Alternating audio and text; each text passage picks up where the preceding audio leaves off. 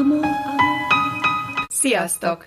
Mi vagyunk a Libra More, és most két hetente megjelenő podcastunkat halljátok. Könyvekről, írókról, kultúráról. Ninával és Mónival. Libra More. Hallgasd, olvasd. Sziasztok! Sziasztok! Ez a Libra More Podcast 81. adása, és, és ugye a szeptembernek a felét nagyjából a merítés díjjal töltöttük, de akkor, amikor beszéltünk a, a jelöltekről, még nem tudtuk, hogy, hogy melyik két mű lesz a, a zsűri díjazatja, illetve a közönség díjazatja. Most már tudjuk, Bodor Ádám Sehol című novellás kötete nyerte el a, a Díj zsűriének, a Szép Róza kategóriában a Díj zsűriének díját, és a közönség díjas pedig, akik nagyon-nagyon-nagyon drukkoltunk, az OSQ Péter Megyünk haza című szintén novellás kötete lett, meghekkeltem volna a rendszert, hogyha lehetett volna. Nem lehet, nagyon ravaszul, nem lehet a, a olyan több szavazatot leadni. Úgyhogy nagyon örültem annak, hogy, hogy Moeskó Péter lett a közönségdíjas. Um, ugye nagyon keveset beszéltünk az Edittel, annak ellenére, hogy ő a gyerek irodalmi, a mesekönyv, pontosabban a mesekönyv zsűriének a, a tagja, de nem annyira beszéltünk magának a merítés díjnak a létrejöttéről, illetve a zsűrizés folyamatáról. Viszont ez az időszak, ez egy nagyon izgalmas, ilyen irodalmi díjak szempontjából izgalmas időszak a tavasz után ez az ősz, amikor nemzetközi szinten mondjuk a Bookernek is mostanában lesz majd a, a, a bejelentés, hogy ki nyert az idei Booker díjat. A közelmúltban elég sok uh, magyar irodalmi díjat is átadtak. Úgyhogy mindenképpen szerettünk volna beszélni egy kicsit többet a, a merítés díjról is, meg úgy általában az irodalmi díjakról. Úgyhogy megkértük Horváth Balást, aki, aki a merítés zsűri, szép, szép proza kategóriában a merítés zsűriének az egyik tagja, én ha jól tudom, oszlopos tagja, Igen. és, és egyébként is, egyébként is kötődsz a, a, a könyv kiadáshoz, meg a, meg a könyvekhez. Ha egy picit akkor erről is mesélnél, hogy, hogy te hogyan kerültél egyrészt a könyvkiadásba, másrészt pedig a, másrészt pedig a merítés díjba. Én is üdvözlök mindenkit, és köszönöm a lehetőséget, hogy a merítés díjról is beszélhetek. A könyvkiadásba úgy kerültem be, hogy nagyon-nagyon-nagyon be akartam kerülni, és aztán sikerült először korrektúrákat vállalni, aztán szerkeszteni, és aztán helyettesíteni, és aztán végül is pozícióba kerülni. Én a Tipotek kiadónak vagyok a főszerkesztője, most már lassan 15 éve, úgyhogy elég régóta vagyok a könyvszakmában. Igazából a moly.hu-val is úgy ismerkedtem meg, mint, mint könyvkiadói szakember. Tehát ez valamikor, igen, 2008 végén indították a moly ugye Nagy Bencének hívják a, az alapító programozót. Viszonylag hamar regisztráltam, tehát eleinte én is csak hallottam róla, és mint ilyen kiadós szakember alapvetően egy marketing terepet láttam benne, mert ugye a MOL az, annak az a lényege, könyves közösségi oldalnak hívják, de mégiscsak ott vannak a könyvadatlapok, egy idő után meg is lehetett vásárolni, tehát közvetlen onnan megrendelhetők a könyvek, és az olvasók azok értékeléseket írnak. Tehát, hogyha ha, akkor még nem létezett ez a szó, hogy influencer, de hogyha alapvető molyos kulcsszereplőket kiadón keresztül elérünk, akkor nyilván hát vagy írnak jó értékeléseket, vagy nem, de mégiscsak az ő tevékenységük révén egy marketing ablakot nyitunk a, a, világra megint csak, illetve én amúgy is nagyon szerettem, tehát a Tipotek kiadó az, az a teljes neve, egy elektronikus kiadó Kft. Állandóan egy sokkal, azt hiszem sokkal hamarabb mozogtunk az elektronikus világban, mint a többi kiadó, és most is egy kicsit jobban otthon vagyunk ebben a világban, de persze csak kicsiben, vagy, vagy pontosan ennek az avantgárdizmusnak ez, a, ez az egyik következménye, hogy, hogy olyan utakon járunk, amiket még annyira nem tapostak ki. Tehát viszonylag hamar elkezdtük kiadóként is, nem tudom. Nem is az, hogy támogatni a moly.hu-t, hanem, hanem keresni azokat a lehetőségeket, ahol mi is részt tudunk venni ebben, és akkor szép lassan megismertem a, az ott lévő embereket. Egy, egy fontos dolgot el akarok mondani, az, hogy a, a Merítés díj az a Merítés magazinnak a nevét viseli. Ez a Merítés magazin, ez a molyon belül működik, és ez egy alulról szerveződő magazin. A nick neveket fogok ugye használni főleg itt a beszélgetés folyamán, mivel hogy ezek felhasználók, akikről szó van, tehát ugye ez egy, ez egy elektronikus közösség, egy online közösség, Vargarók Zsoltnak jutott azt hiszem először eszébe az, hogy annyi gazdag tartalom jelenik meg a moly.hu-n a felhasználóktól, hogy ebből igazából lehetne egy ilyen havi válogatást készíteni. És akkor ez lett a Merítés magazin, ugye ez a Merítés, ennek ő volt eleinte a főszerkesztője, tehát Vargarók Zsolt beszélt Bencével, ugye a programozó alapítóval, aki készített hozzá egy webes felületet. Tehát ez a Merítés magazin azóta is működik, és ami nekem már így működés közben nagyon tetszett, az az, hogy, hogy a Molynak a működtetője, tehát ugye ez egy közösségi oldal, tehát képzeljük el, hogy a Facebookon is már egy csomó jó dolog, és mondjuk valaki ír a, nem tudom, a Zuckerbergnek, hogy így csinálj már egy ilyen felületet hozzá. Tehát, hogy, hogy nyilván ez kicsibe van, meg egy tematikus oldalról van szó, de Bence elkészítette ezt a felületet, a felhasználók pedig maguktól szerveződve ezt használják. És megmaradt a kettő között a távolság.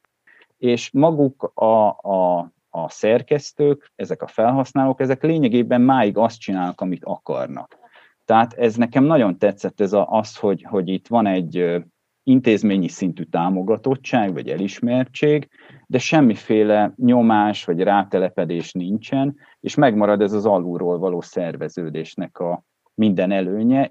Tehát ez meg tudott maga, maradni függetlennek, ugye ez egy tíz évvel ezelőtt volt, manapság ez már egy kardinálisabb kérdés, de itt akkor egy ilyen nagyon demokratikus alapmodell alakult ki. És amikor a, a merítésdíj nekem eszembe jutott, akkor nem ez volt a neve. Ugye hát mondtam, hogy 15 éve vagyok főszerkesztő, de igazából olyan középiskolás korom óta, meg magyar szakot végeztem, mindig az olvasásaimnak tehát mondjuk minden második, harmadik, vagy akár negyedik könyv az, amit én úgy választok, hogy, hogy nem kötődik semmiféle aktuális feladatomhoz. És hiába igyekeznék azon, hogy a kortárs legfrissebb megjelenésekről reális képet kapjak, azt nem tudom megszerezni, mivel nem érek rá ezeket folyamatosan olvasni, és úgy mindig nézegettem különböző magazinokat, meg listákat, de nem nagyon láttam olyan listát, vagy olyan díjat, ami, ami engem tudott volna orientálni. És ahogy megismertem itt a Merítés magazin szerkesztőit, ezeket a nagyon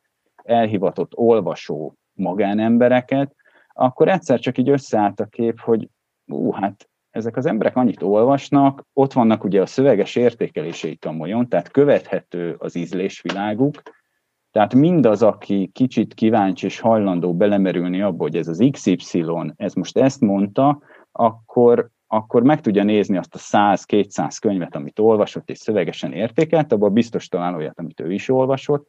Tehát tisztában van a, a, az értékelő és a saját ízlésének a távolságával, tisztába jöhet. És akkor gondoltam azt, hogy lehetne itt szervezni valamiféle ö, ilyen olvasó, listázó közösséget, és megkérdeztem egy-két embert a merítés szerkesztőségből, erre óriási nyitottság volt, kiderült, hogy hogy Vargarok Zsoltban, ugye, aki mondtam, hogy ennek a magazinnak az alapítója volt, eleve volt erre egy terv, vagy valamiféle nyitottság. Nagyon pozitív volt a fogadtatás, és akkor utána Bencével is egyeztettünk, ott megint kiderült ez a fajta támogatom, de nem telepszem rá a tiétek. Nincs semmiféle nyomás, és ez nem a moly.hu-nak a hivatalos díja, tehát hogy ilyen nincsen, hanem ez a moly.hu-n belül szerveződött abszolút, ezt nagyon sokszor mondom, de alulról szerveződött független díj, akár csak maga a magazin, amelynek ez egy ilyen, egy ilyen csatolt díja.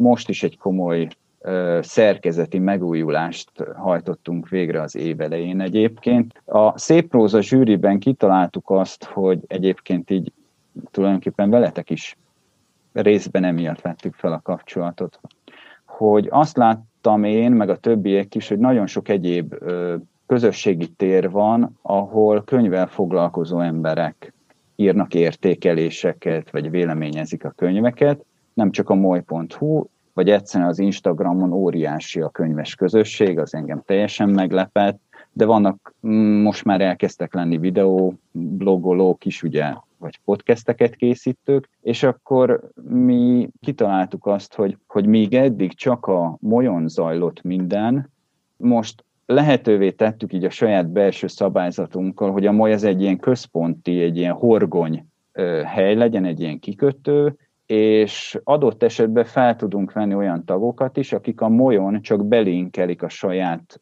valamilyen kifejtett értékelésüknek a linkjét.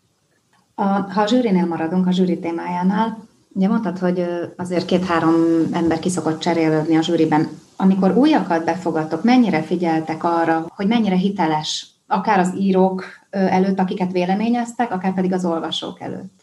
Zsűritag egyik pillanatra a másikra nyilván senkiből nem lehet mindenkinek van valamilyen múltja, és abszolút egy ilyen szavazgatás megy arról, hogy el tudjuk-e fogadni, vagy felkérjük-e egyáltalán azt a zsűritagot. Nyilván, tehát ténylegesen ugye arról van szó, hogy van egy 20 fős zsűri, ez nagyon sok. Tehát a, én nem, nem tudom pontosan, de az Egon, meg Libri, meg mindenféle nemzetközi zsűrikben ilyen négy-öt név szokott lenni. Tehát az, az már így. Öt embernek egyeztetni a véleményét, az már egy elég nehéz dolog. Mi 20 körül szoktunk lenni, ez szerintem 18-nál nem volt még kevesebb, de 18 és 23 azt hiszem ezek a sarokszámok, de nagyságrendileg, tehát azért egy ilyen belső kommunikációt, és ezt mind online egy ilyen üzenet folyamban, meg néha ilyen külön topikokban szoktuk csinálni. Viszont ez azt Ez is már jelenti, egy főállás, Balázs. nem szerencsére, nagyon, nagyon jól eloszlanak a, a szerepek, tehát nem, a, aki benne van, az meglepődik általában, hogy itt mennyire kiegyensúlyozottan. Legalább ugye én a szép próza zsűriről tudok beszélni, de nagyon jól eloszlanak a szerepek, nagyon sokféle vállalás van. Tényleg ezek az emberek utána olvasnak, utána hallgatnak a könyveknek.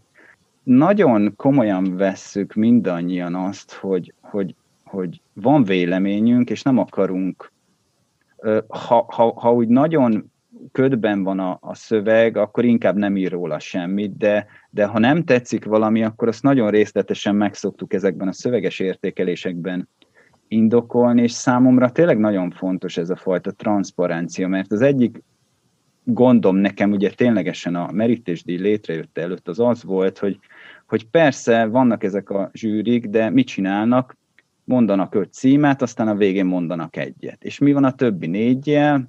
Meg ezek a laudációk is, hát tudod, szóval nagyon nem tartalmasak. Egyébként az éskvartetet én azért szeretem nagyon, mert hogy ott annak van múltja. Ott is ugyanaz van, hogy visszatérnek emberek, elmondják a véleményüket, és azt hiszem, igen, az Forenedina egyik köteténél volt ez, hogy a Bárány Tibor mondta, hogy hát igen, az előzőt, amikor értékeltem, és nem tudom, adott rá valami pontszámot, most már egy fokkal többet adnék rá. Tehát, hogy, hogy, hogy ott, ott, ott van, egy, van egy perspektíva, van egy személyes perspektíva, ami visszakövethető, van elhangzó vélemény, és nem csak az van, hogy van egy pontszám, vagy, vagy van valami ilyen, ilyen slendrián, de nagyon elegáns megjegyzés a végén, amit egy borítóra rá lehet nyomtatni. Tehát ez nagyon fontos volt, és úgy emiatt aztán azt mondom, hogy a zsűritagoknak van előéletük is, meg utóéletük is. Tulajdonképpen az, hogy mi a szép irodalom, azért nagy léptékben elég jól meghatározható. E, itt is a moly.hu-t akarom dicsérni, hogy, hogy van nekünk egy listánk, ezt minden zsűri csinálja, hogy mit a magyar szép irodalom 2018, és akkor ahhoz az egy polc, vagy lista, így szépen hozzápakoljuk a friss megjelenéseket, amiket a kiadók szép irodalomként adnak ki. És akkor ott van 100 könyv, vagy 120 ilyen nagyságrend a szép prózán, és abból válogatunk, és akkor a, ahhoz írjuk a, a véleményeket.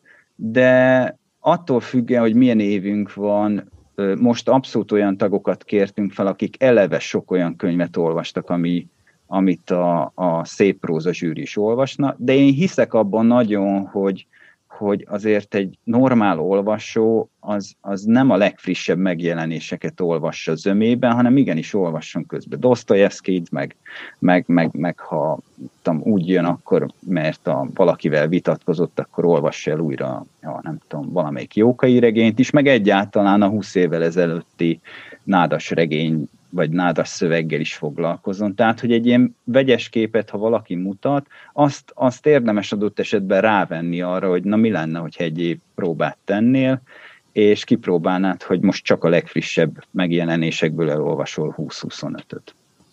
Igen, említetted ezt, hogy, hogy mondjuk egy adott évben 100-120 szép próza kerül föl a polcra, és hát ez rengeteg és ugye jóval szerencsésebb helyzetben, idézőjelben szerencsésebb helyzetben vagyunk, még így is, mint például angol száz nyelvterületen az új megjelenéseket tekintve. Tehát egy 100-120 új megjelenés valamennyire áttekinthető, de az a kérdés, hogy el tudod-e képzelni, elképzelhető egy olyan helyzet, hogy amikor összeállítjátok a longlisthez, az idejévi, az adott, adott évi longlisthez a, a könyveket, akkor egy első megjelenés például, akinek még nincs neve, nincsenek előzményei, fel se kerül a listára, pedig zseniális, éppen azért, mert nem lehet mindenkire odafigyelni, nem lehet mindenkit meglátni. El vagy tudom a, képzelni. Vagy a 20 fős zsűri elég garancia már ahhoz, hogy 20 már csak észrevesztek mindenkit, vagy nem így van? E, mind a kettő igaz, tehát nekem elég jó fantáziám van, tehát el tudom képzelni, de a 20 fős zsűri viszont tényleg olyan, tehát ezek, ezek az emberek engem lenyűgöznek, tehát nálam sokkal hogy mondjam, befolyásosabb tagjai vannak a molyon, két-háromszor annyi ilyen csillagozást, ugye ez a like-nak a megfelelője kapnak, mint én, hogy ezek az emberek nagyon utána mennek mindennek, és gyakorlatilag semmi nem kerüli el a figyelmüket.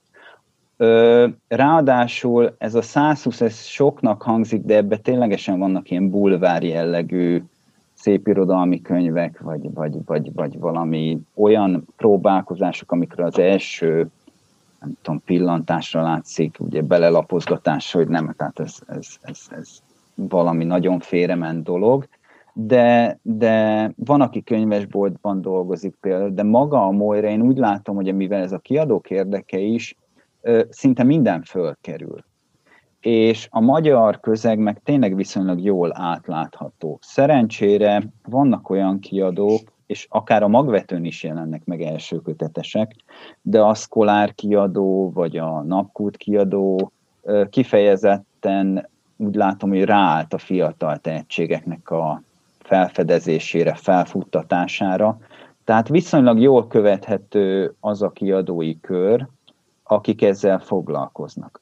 És velük nagyon jó az együttműködés is az a nehezebb eset, hogyha valakit, szóval vannak egyrészt határon túli, vagy olyan kisebb kiadók, ahol ilyen by the way megjelent egy szép irodalom. Nem nagyon tudok olyat itt az elmúlt 6-7 évből, hogy valaki teljesen kimaradt volna.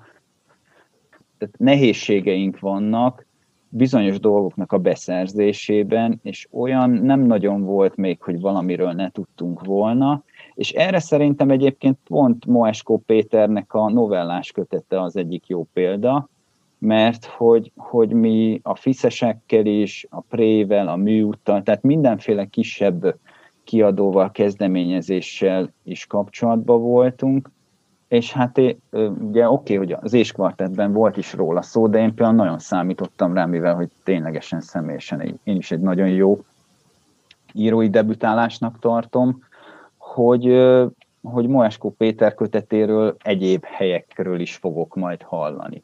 De nyilván ez egy, megint egy olyan kiadvány, vagy egy olyan keretek között megjelent kiadvány, ahol a terjesztésnek megvoltak a maga teljesen érthető és normális határai.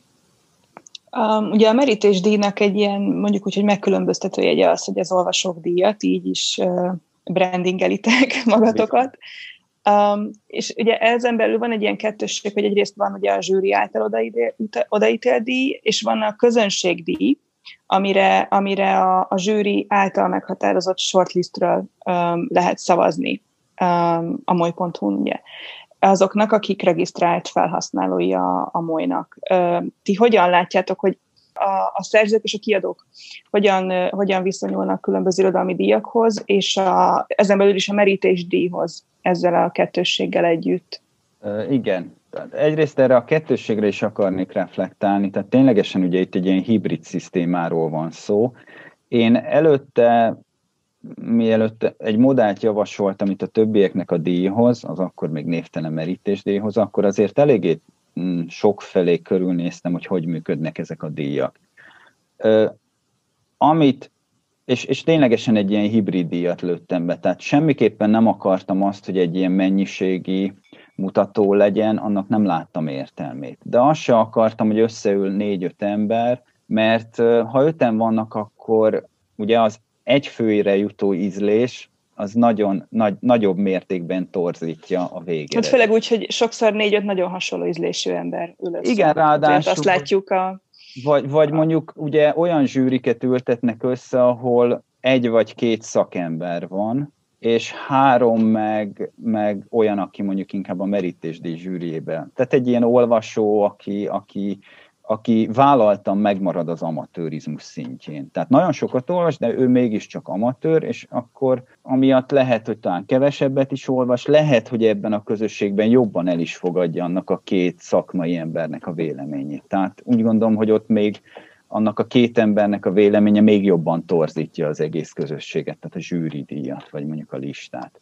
Emiatt gondoltam azt, hogy én azt szoktam mondani, hogy minőségi olvasókat lehet a moly.hu-n találni.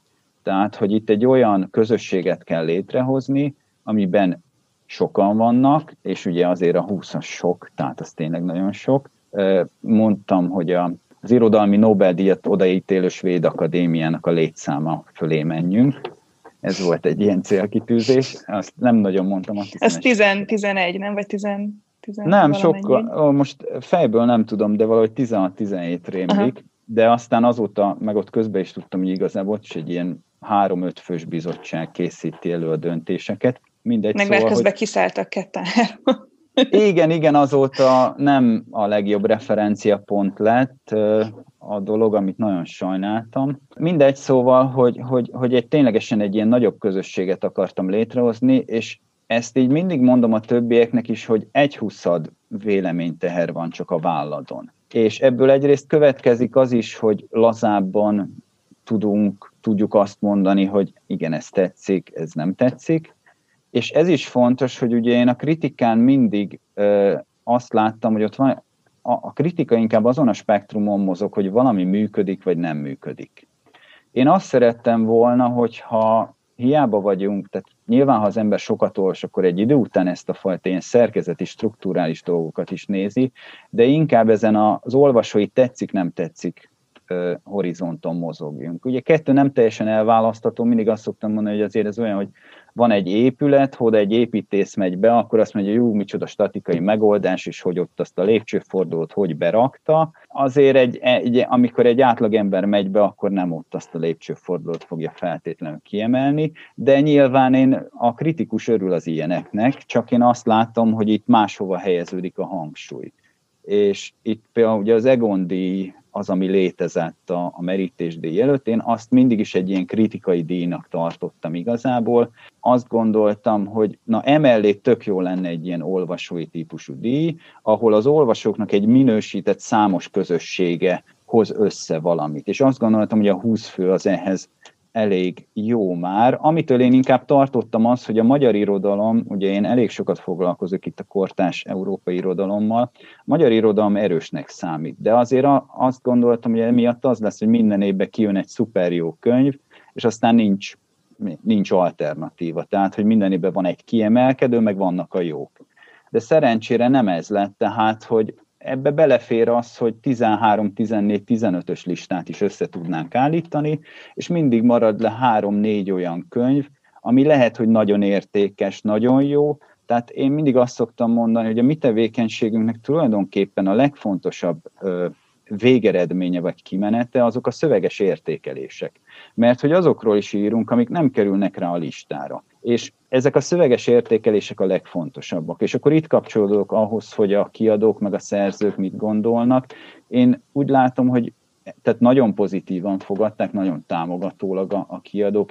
Nekik is szerintem az a legfontosabb talán, hogy, hogy ezek a szöveges értékelések ott vannak, és látszanak, van, van egy ilyen fogalmam olyan belül, hogy ízlésőr, tehát ez az influencernek egy ilyen, ez a személyes, személyes influencere az embernek, az, aki aktívan használja a molyt, az tudja, hogy kinek az ízlésére érdemes odafigyelnie. És azt is tudom, hogy nagyon sokan regisztráció nélkül is nézik azt, hogy a molyon miket írnak, és az alapján választanak maguknak vagy ajándékba könyvet. A, a szerzők is nagyon örülnek természetesen nyilván, hogyha nyernek egy díjat, egyre jobban tisztában vannak a molyjal, ugye minél fiatalabb, mondjuk olyan 40, 40-es, 50-es között van egy ilyen korhatár, hogy az annál idősebbek azok kevésbé foglalkoznak ezzel, de lehet, hogy egyáltalán az ilyen világi hívságokkal is. De a fiatalok nagyon örülnek. Szóval Bodor Ádám még nem regisztrált a moe azt mondod? Ő, ő nem regisztrált, igen, igen, igen, azt hiszem, de, de egyébként nagyon kedvesen reagált ő is, úgyhogy nagyon örült ő is a díjnak. Aztán majd meglátjuk ugye, hogy itt a díjátadót mm, milyen keretek között tudjuk megtartani, vagy egyáltalán lesz rá lehetőség, hogy online, vagy, vagy valamilyen formában megtartsuk. Szóval nagyon, én úgy látom, hogy, hogy nagyon pozitívak a hangok, de tekintve, hogy a merítésdíj mögött nincs egy ilyen nagy marketingerő, ezért is szoktam azt gondolni, hogy ezek az értékelések a legfontosabbak. Tehát anélkül, hogy bárki tudná, hogy én a, a zsűri tagja vagyok, vagy bármelyikünk a zsűri tagja, adott esetben kíváncsi az XY kiadó új könyvére, és az tök jó szerintem egy kezdőírónak is, meg bárkinek is, tehát hogy aki nem ehhez a top 12 névhez tartozik, akire mindenki odafigyel, és akit mindenki ismer, hogy nem az üres adatlap van a molyon, hanem ott már van két-három szöveges értékelés. Tehát azért mi így gyártjuk a tartalmakat, és, és azt láttam, hogy ez így alapvetően inkább mindenkinek jó, mint rossz. Nagyon jó kérdésem van, Balázs. Hú. Tehát, hogy te, te kiadói szemszögből is és zsűri szemszögből is uh, rálátsz a pályára, az érdekel engem, ez egy jó hosszú kérdés lesz, hogy egyrészt van-e bármilyen statisztika arról, hogy a főbb magyar díjak, ugye Libriágon és a merítés, bocsánat, fordítva kellett volna mondanom, tehát a merítés és a másik kettő, mennyivel dobják meg az eladásokat, illetve van egy szakmai rangsor ezek között a díjak között, bár érintőlegesen beszéltél erről, és a harmadik, ha, ha én magyar író lennék szerinted, és választhatnám, hogy melyik díjat kapjam meg, szerinted a magyar írók fejében éle egy olyan, hogy melyik a legvonzóbb díj számukra? Úgy vezetett fel a kérdést, hogy mint kiadói szakember, de szerencsére én Hát nyilván valamennyi rálátásom van ezekre a dolgokra, de inkább, mint olvasó tudok válaszolni, mert a, a Tipotek kiadó az tudományos ismeretterjesztő könyveket ad ki, meg, meg szépirodalmi fordításokat így a kortás európai irodalomból. 99%-ban nem adunk ki kortás magyar irodalmat, ez most éppen az az 1% van, de az elmúlt 15 évben nem emlékszem ilyenre, mert az egyik szerzőnk Orosz István, aki grafikus, meg mm, grafikai témákról ír eszéket. Neki jelent meg idén nálunk egy Pótszarf című novellás kötete, de azért ez így egy a, nem tudom, az ezerből. Tehát magára a szépirodalmi piacnak a működésére van valamiféle rálátásom, de olyan igazi, valós tapasztalatom nincsen, csak amiket hallomásból tudok.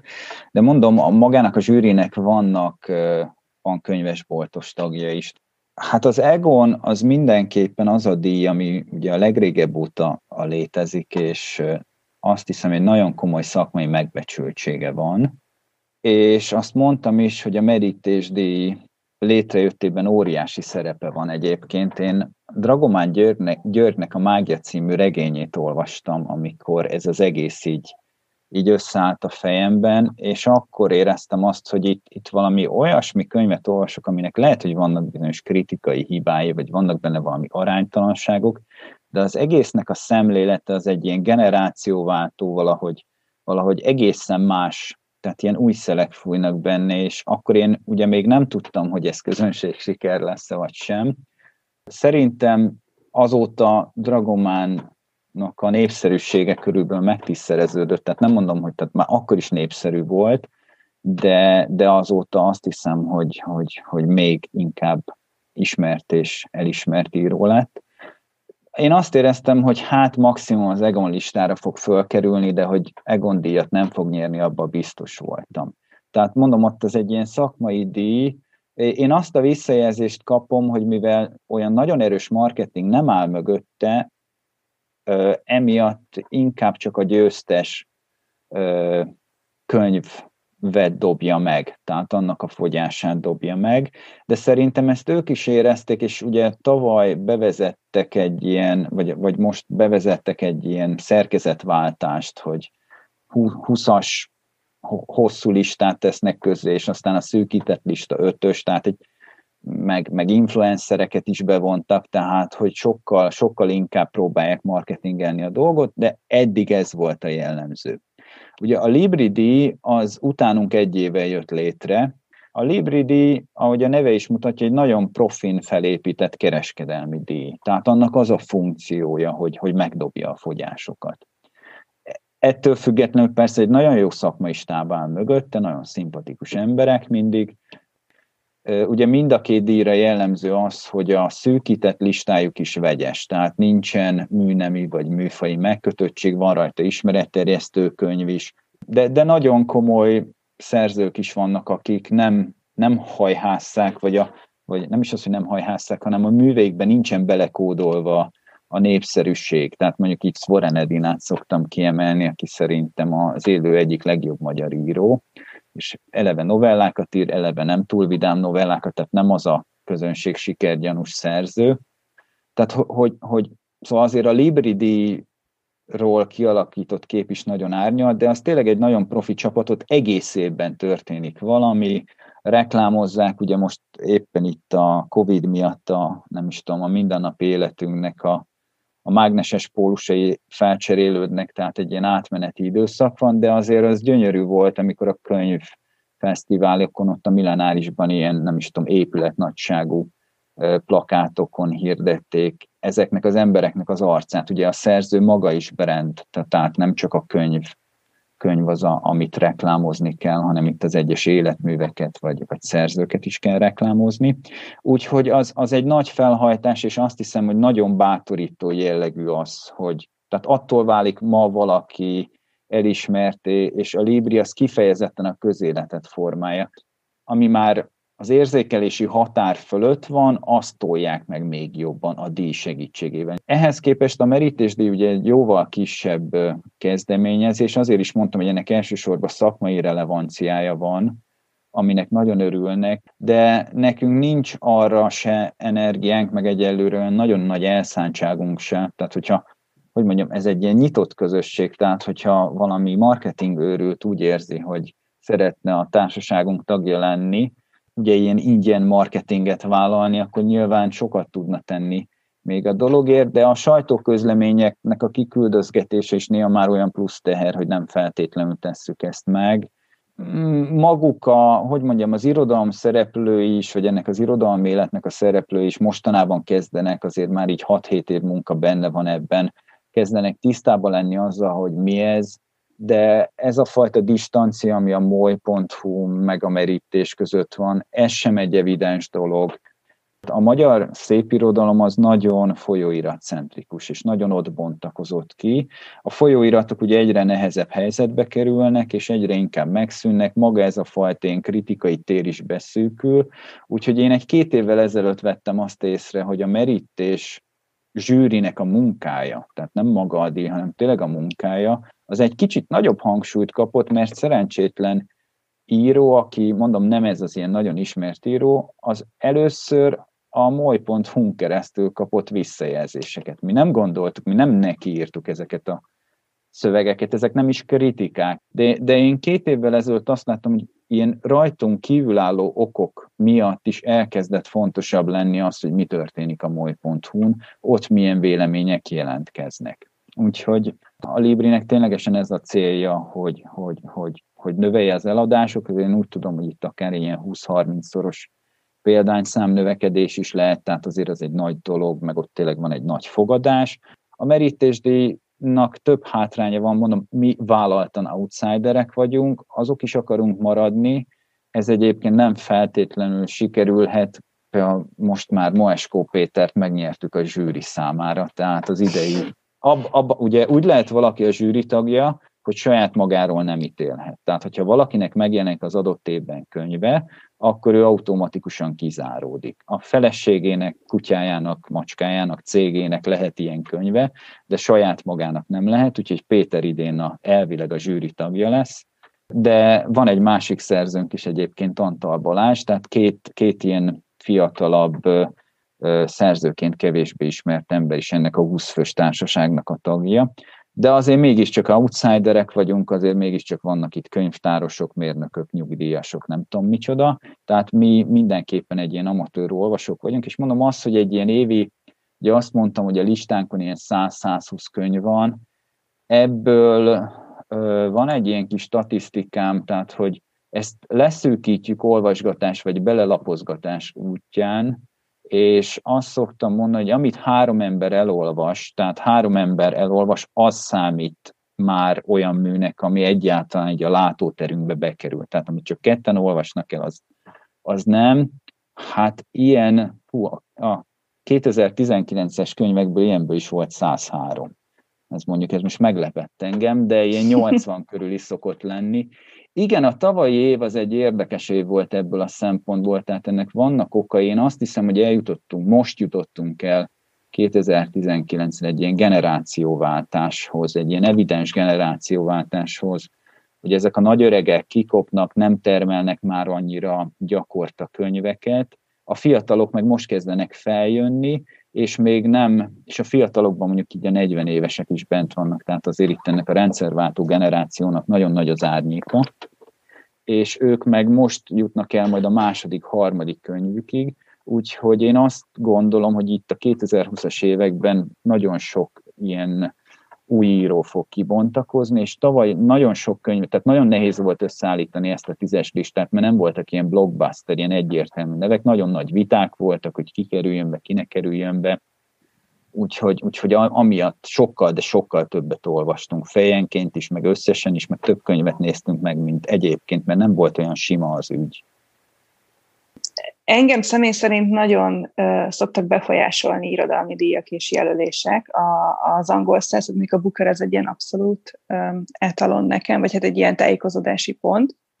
És uh, az érdekelne, hogy téged uh, zsűritakként mennyire befolyásolnak mondjuk az Egon meg a, meg a Libri uh, jelölései, és mennyire szoktál, uh, nem tudom, akár pozitívan, akár negatívan csalódni egy-egy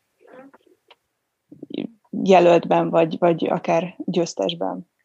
Odafigyelek a díjakra, nagyon odafigyelünk a díjakra.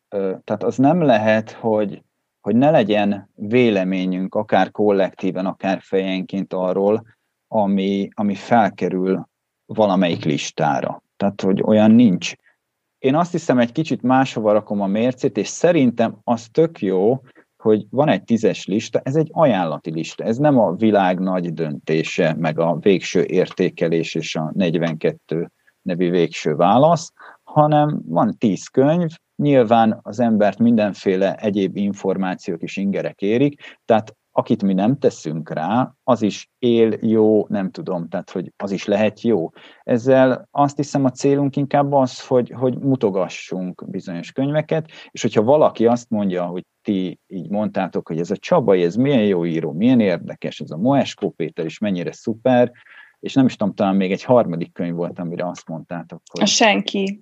Hegyi, ja, hegyi igen, Edének a senki. Ráadásul ugye két első kötet ezt igen. Hegyi Edének a senkiét emeltétek ki. Az, az, az bőven elég, tehát egy tízes listának szerintem én nem vagyok ebből a szempontból egy maximalista, nem kell a tíz tökéletes könyvnek lennie, meg, meg pont ez az, hogy 20 ember hozza össze, és te is egy egyedi ember vagy, az adott szépirodalmi termés egész spektrumát nem kötelező neked lefend, lefedned. Ezért is más szempontja van a kritikának, a, akik azt nézik, hogy bizonyos keretrendszeren belül működik-e az a szöveg.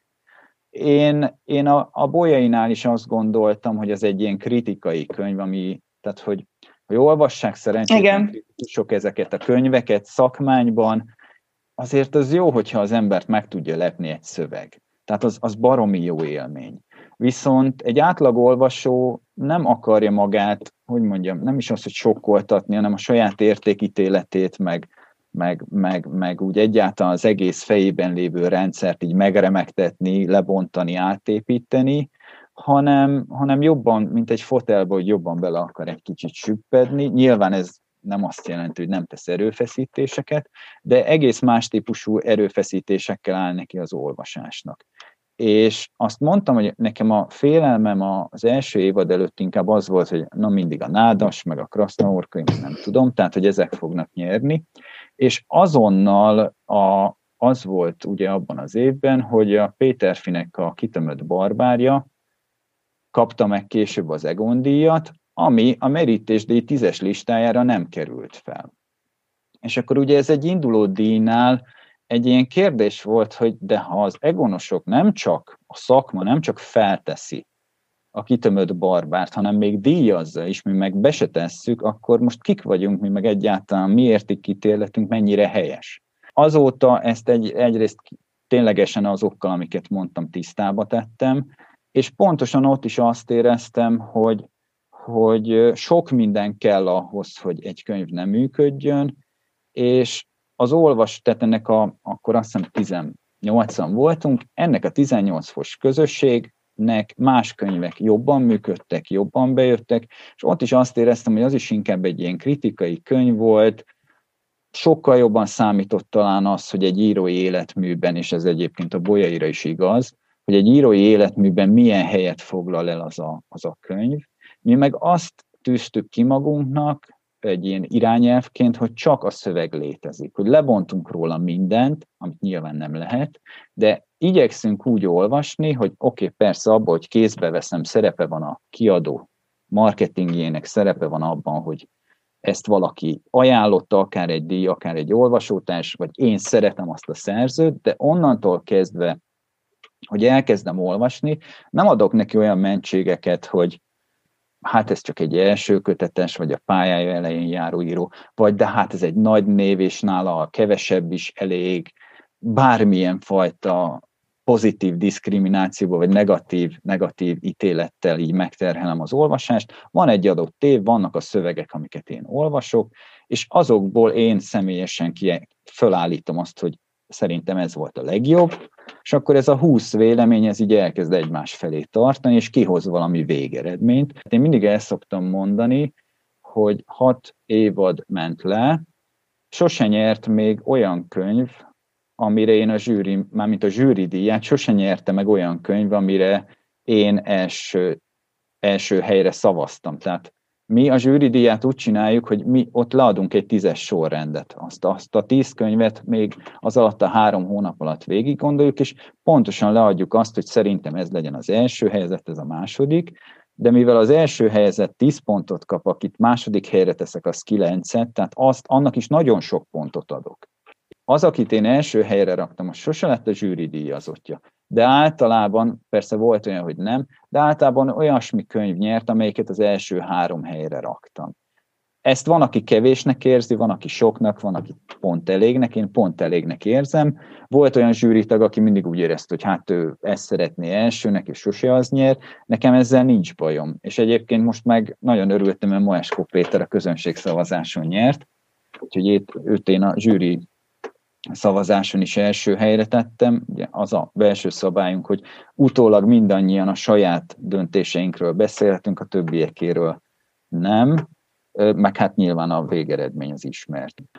Vagy volt egy ilyen lista arról, hogy a Margó díjra milyen könyvek lehetnek esélyesek, vagy valami ajánló, és a Vesz Péter, azt hiszem, igen, ez a vezeték neve. Neki volt egy könyve, és hajszál hiány maradt le a tízes listáról. Mondom, nagyon nehéz év volt, és különösen nem éreztem nagy különbségeket a, az egyes könyvek között.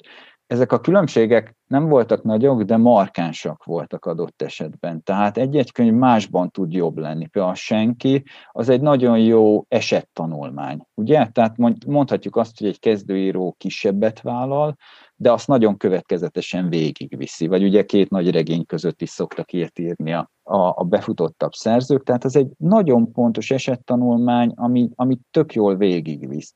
A, a bolyaiban ott, ott kísérletezés van a formákkal, tehát én azt láttam egyébként, ugye két olyan könyv volt, ami minden listára felkerült, a, a Barnásnak a könyve, meg ez a, a lánykönyv, a bolyai, ez mind a kettő olyan volt, hogy két érett író, már megcsinálta azokat a dolgokat, amiket mondjuk úgy megszeretne, és magával a mesterséggel dolgozik, küzdik a regényformával, kísérletezik. Tehát mind, mind a kettő egy nagy kísérlet volt.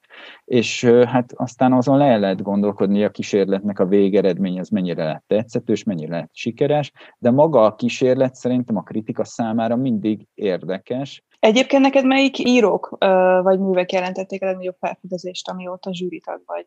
Ugye nagyon sokat olvasol, tehát Igen, egyébként ez egy nagyon rengeteg, nehéz kérdés. De mi az, amit mondjuk csak a merítésnek köszönhetsz, és egyébként mondjuk nem került volna a látótered? Hát soha. nagyon sok mindent a, a merítésnek köszönhetek, az biztos, mert hogy annyi mindent olvastam, és ezen sokat gondolkodtam, hogy hogy nyilván itt az időfaktor is fontos. Tehát vannak olyan, nagyon sok fiatal szerzőt megismerek így. Tehát nyilván a sikeresebb kezdő szerzők akkor kerülnének bele egy átlagolvasó látóterébe, hogyha már a második, harmadik könyvük is úgy viszonylag jó, vagy hogyha véletlenül az első könyvük olyan nagyot durranna.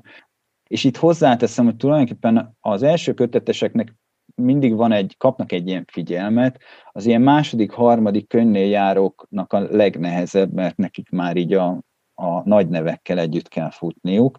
Tehát az nagyon, az nagyon izgalmas mindig. Meg vannak azok az írók, akik nem ezek a blockbuster nevek, hanem valami érdekeset, különlegeset csinálnak, és amikor az első öt év lement, akkor én ezt igyekeztem magamnak átgondolni, és Győre Balázs volt az egyik nagy felfedezés, akit, aki túl exkluzív ahhoz szerintem, hogy, hogy belefért volna minden napjaimba, tehát az nagyon-nagyon fontos felfedezés volt nekem, és róla nem, nem nagyon hallottam volna más, más fórumokon, azt hiszem. Az első köteteseknél a legnagyobbat nekem Gyurkovics Tamás Mengele bőröngye József M. két halála ez a másfél vagy kettős könyv volt az, ami a, a, a kedvencem volt eddig, most már Moeskó Péternek a novellás kötete is csatlakozott hozzá. Hát de ez a Gyurkovics könyv azóta már nem tudom hányadik kiadásnál járt, tehát ez, ez, erről is azt gondolom, hogy idővel eljutott volna hozzám. Aztán az, ami, ami egy ilyen nagyobb magyarázkodást igényel, az az, hogy amikor én átgondoltam, hogy az első öt és ebből a hatodik évadot is kiterjeszthetem, hogy ebből mi volt vajon az a legfontosabb könyv, hogy az vajon melyik lehet, vagy mennyi ilyen volt, akkor arra jutottam, hogy szerintem az elmúlt évek legfontosabb könyve az a Zoltán Gábornak az orgiája, ami viszont nem került be a merítésdíj tízes listájára. És ezen akkor is, tehát ugye, mivel hogy egyéb listákon fent volt, ezért azokat a vitákat akkor is lefolytattuk, itt jön ki például az, az ilyen típusú könyveknél, hogy ez egy közönségdíj, és egyszerűen olyan szintű brutalitás jellemzi azt a könyvet, ami engem nem zavart, és így kicsit nehéz is kimondanom ezt, hogy olyan szintű brutalitás jellemzi, de sok olvasótársamat egyszerűen eltántorította, tehát képtelen volt ezt olvasni. Aztán voltak persze ilyen kritikai hangok is, amire megint csak a az éskvartetre tudok utalni, tehát ténylegesen azzal tudok beszélgetni, akik beszélnek, tehát a, az éskvartetben beszélnek, és a, a, az Egon meg a Libridénál nincs meg ez a beszélés, a zsűri, zsűri az belterjes, vagy belül tartja az infókat.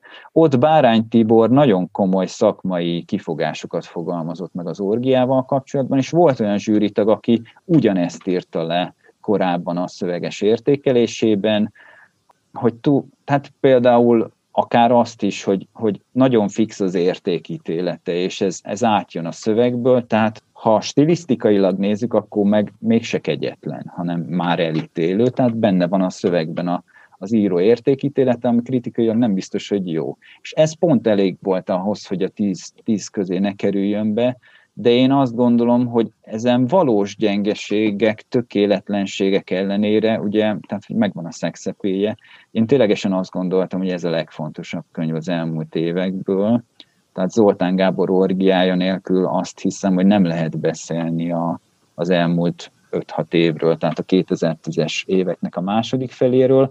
Persze azért itt a második, harmadik helyen is nagyon komoly dolgok vannak, tehát Szorán Edinát tényleg nem szeretném kifelejteni, mert, mert közvetlen az orgia után én úgy gondolom, hogy Szorán Edina itt az, aki életművével most a legjelentősebb dolgokat művelt. Ugye két, két novellás kötete is jelent meg, mióta a merítésdíj működik, a Szépírók Társaságának a Női Érdekvédelmi Fóruma adott ki nem olyan régen egy nyilatkozatot annak kapcsán, hogy a, a elég sok közelmúltban kiosztott díj között egyetlen egy női díjazott sem volt, és, és egyébként a Medítés díjnak is csak egyetlen női jelöltje volt idén.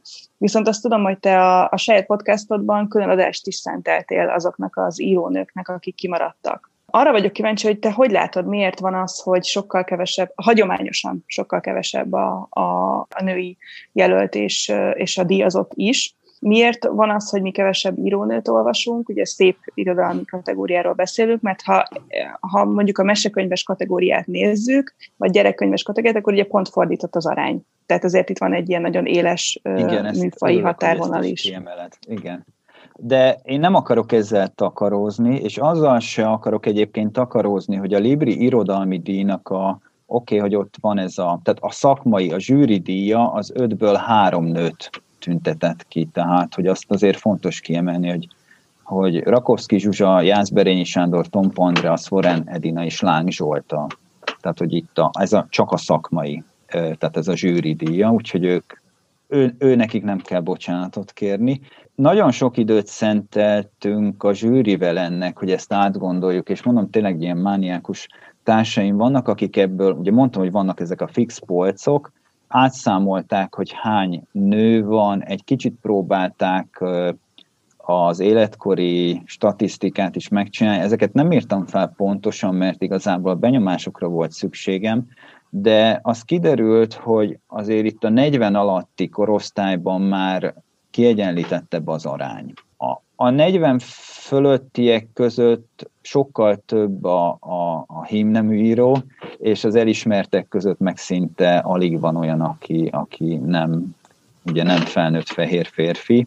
Itt a szociológiai, meg mindenféle egyéb okokban nem akarok belemenni, mindegyiknek vannak mindenféle negatív, meg pozitív következményei. Én a zsűri tagokkal együtt azon gondolkodtam, hogy szóval ez egy ilyen nyomás volt, hogy nekünk csak férfi díjazottaink vannak, meg most hat, ugye 60 művet tettünk föl eddig a, a tízes listákra, összesen ez a 6x10 a szép próza kategóriában, ebből 11-nek van ö, női szerzője, és az 10 szerzőnőt jelent, mert Svoren Edina kétszer került fel, és igazából rajta kívül, mert mint Svoren Edinán kívül nagyon nem volt esélye senkinek nyerni, ez azért így elgondolkodtató volt, és beszélgettünk a pozitív diszkriminációról, beszélgettünk arról, hogy, hogy milyen okai lehetnek ennek, illetve hát egyéb területekről is kértünk véleményeket, tehát azért sok helyen foglalkoznak a pozitív diszkriminációval, beleértve azt is, hogy ugye vannak olyan szakmák, ahol a férfiakat kell megcélozni, és a, a védett férfiakról így kevesebb szó esik. Mivel nekünk ténylegesen az volt az alapelvünk, hogy, hogy csak a szövegekkel foglalkozunk, ezért különösebb pozitív diszkriminációt nem akartunk alkalmazni. Maga ez a fajta, hogy a legjobb írónő, vagy nem tudom, egy ilyen címet sem akartunk bevezetni, mert úgy érezzük, hogy ez nincs meg a hátterünk. Egyetlen egy dolgot tudtunk megállapítani, és az a, az a vállalás, azt a vállalást tudtuk megfogalmazni most is, hogy oda fogunk figyelni a szerzőnőkre, tehát hogyha szembe jön két könyv, akkor egy olyan preferenciát fogunk megvalósítani, hogy először a szerzőnő könyvét vesszük kézbe.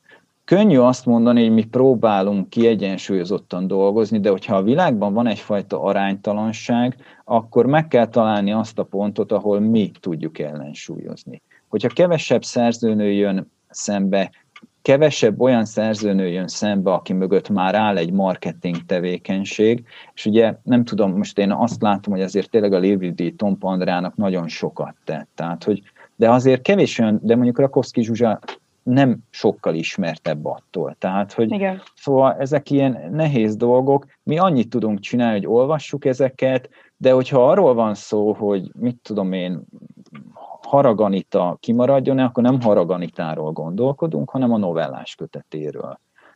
A mi vállalásunk az az, hogy nem hagyjuk azt, hogy ha a világban van ez az aránytalanság, akkor mi amiatt nem figyelünk oda a szerzőnőkre, hanem akkor azt mondjuk, hogy ugyanúgy, ahogy az első kötetesekre, a kisebb kiadónál megjelent szerzőkre jobban odafigyelünk, ugyanúgy jobban oda fogunk figyelni a szerzőnök könyveire is. És akkor ez a végeredményben úgy fog megmutatkozni, hogy az olvasók nem szenvednek hátrányt, tehát a minőség az megmarad. Hát legyen így. Nagyon-nagyon köszönjük a, a beszélgetést, Balázs. Tök sok Én is köszönöm mondtál. Lehetőséget sokkal... a zsűri nevében.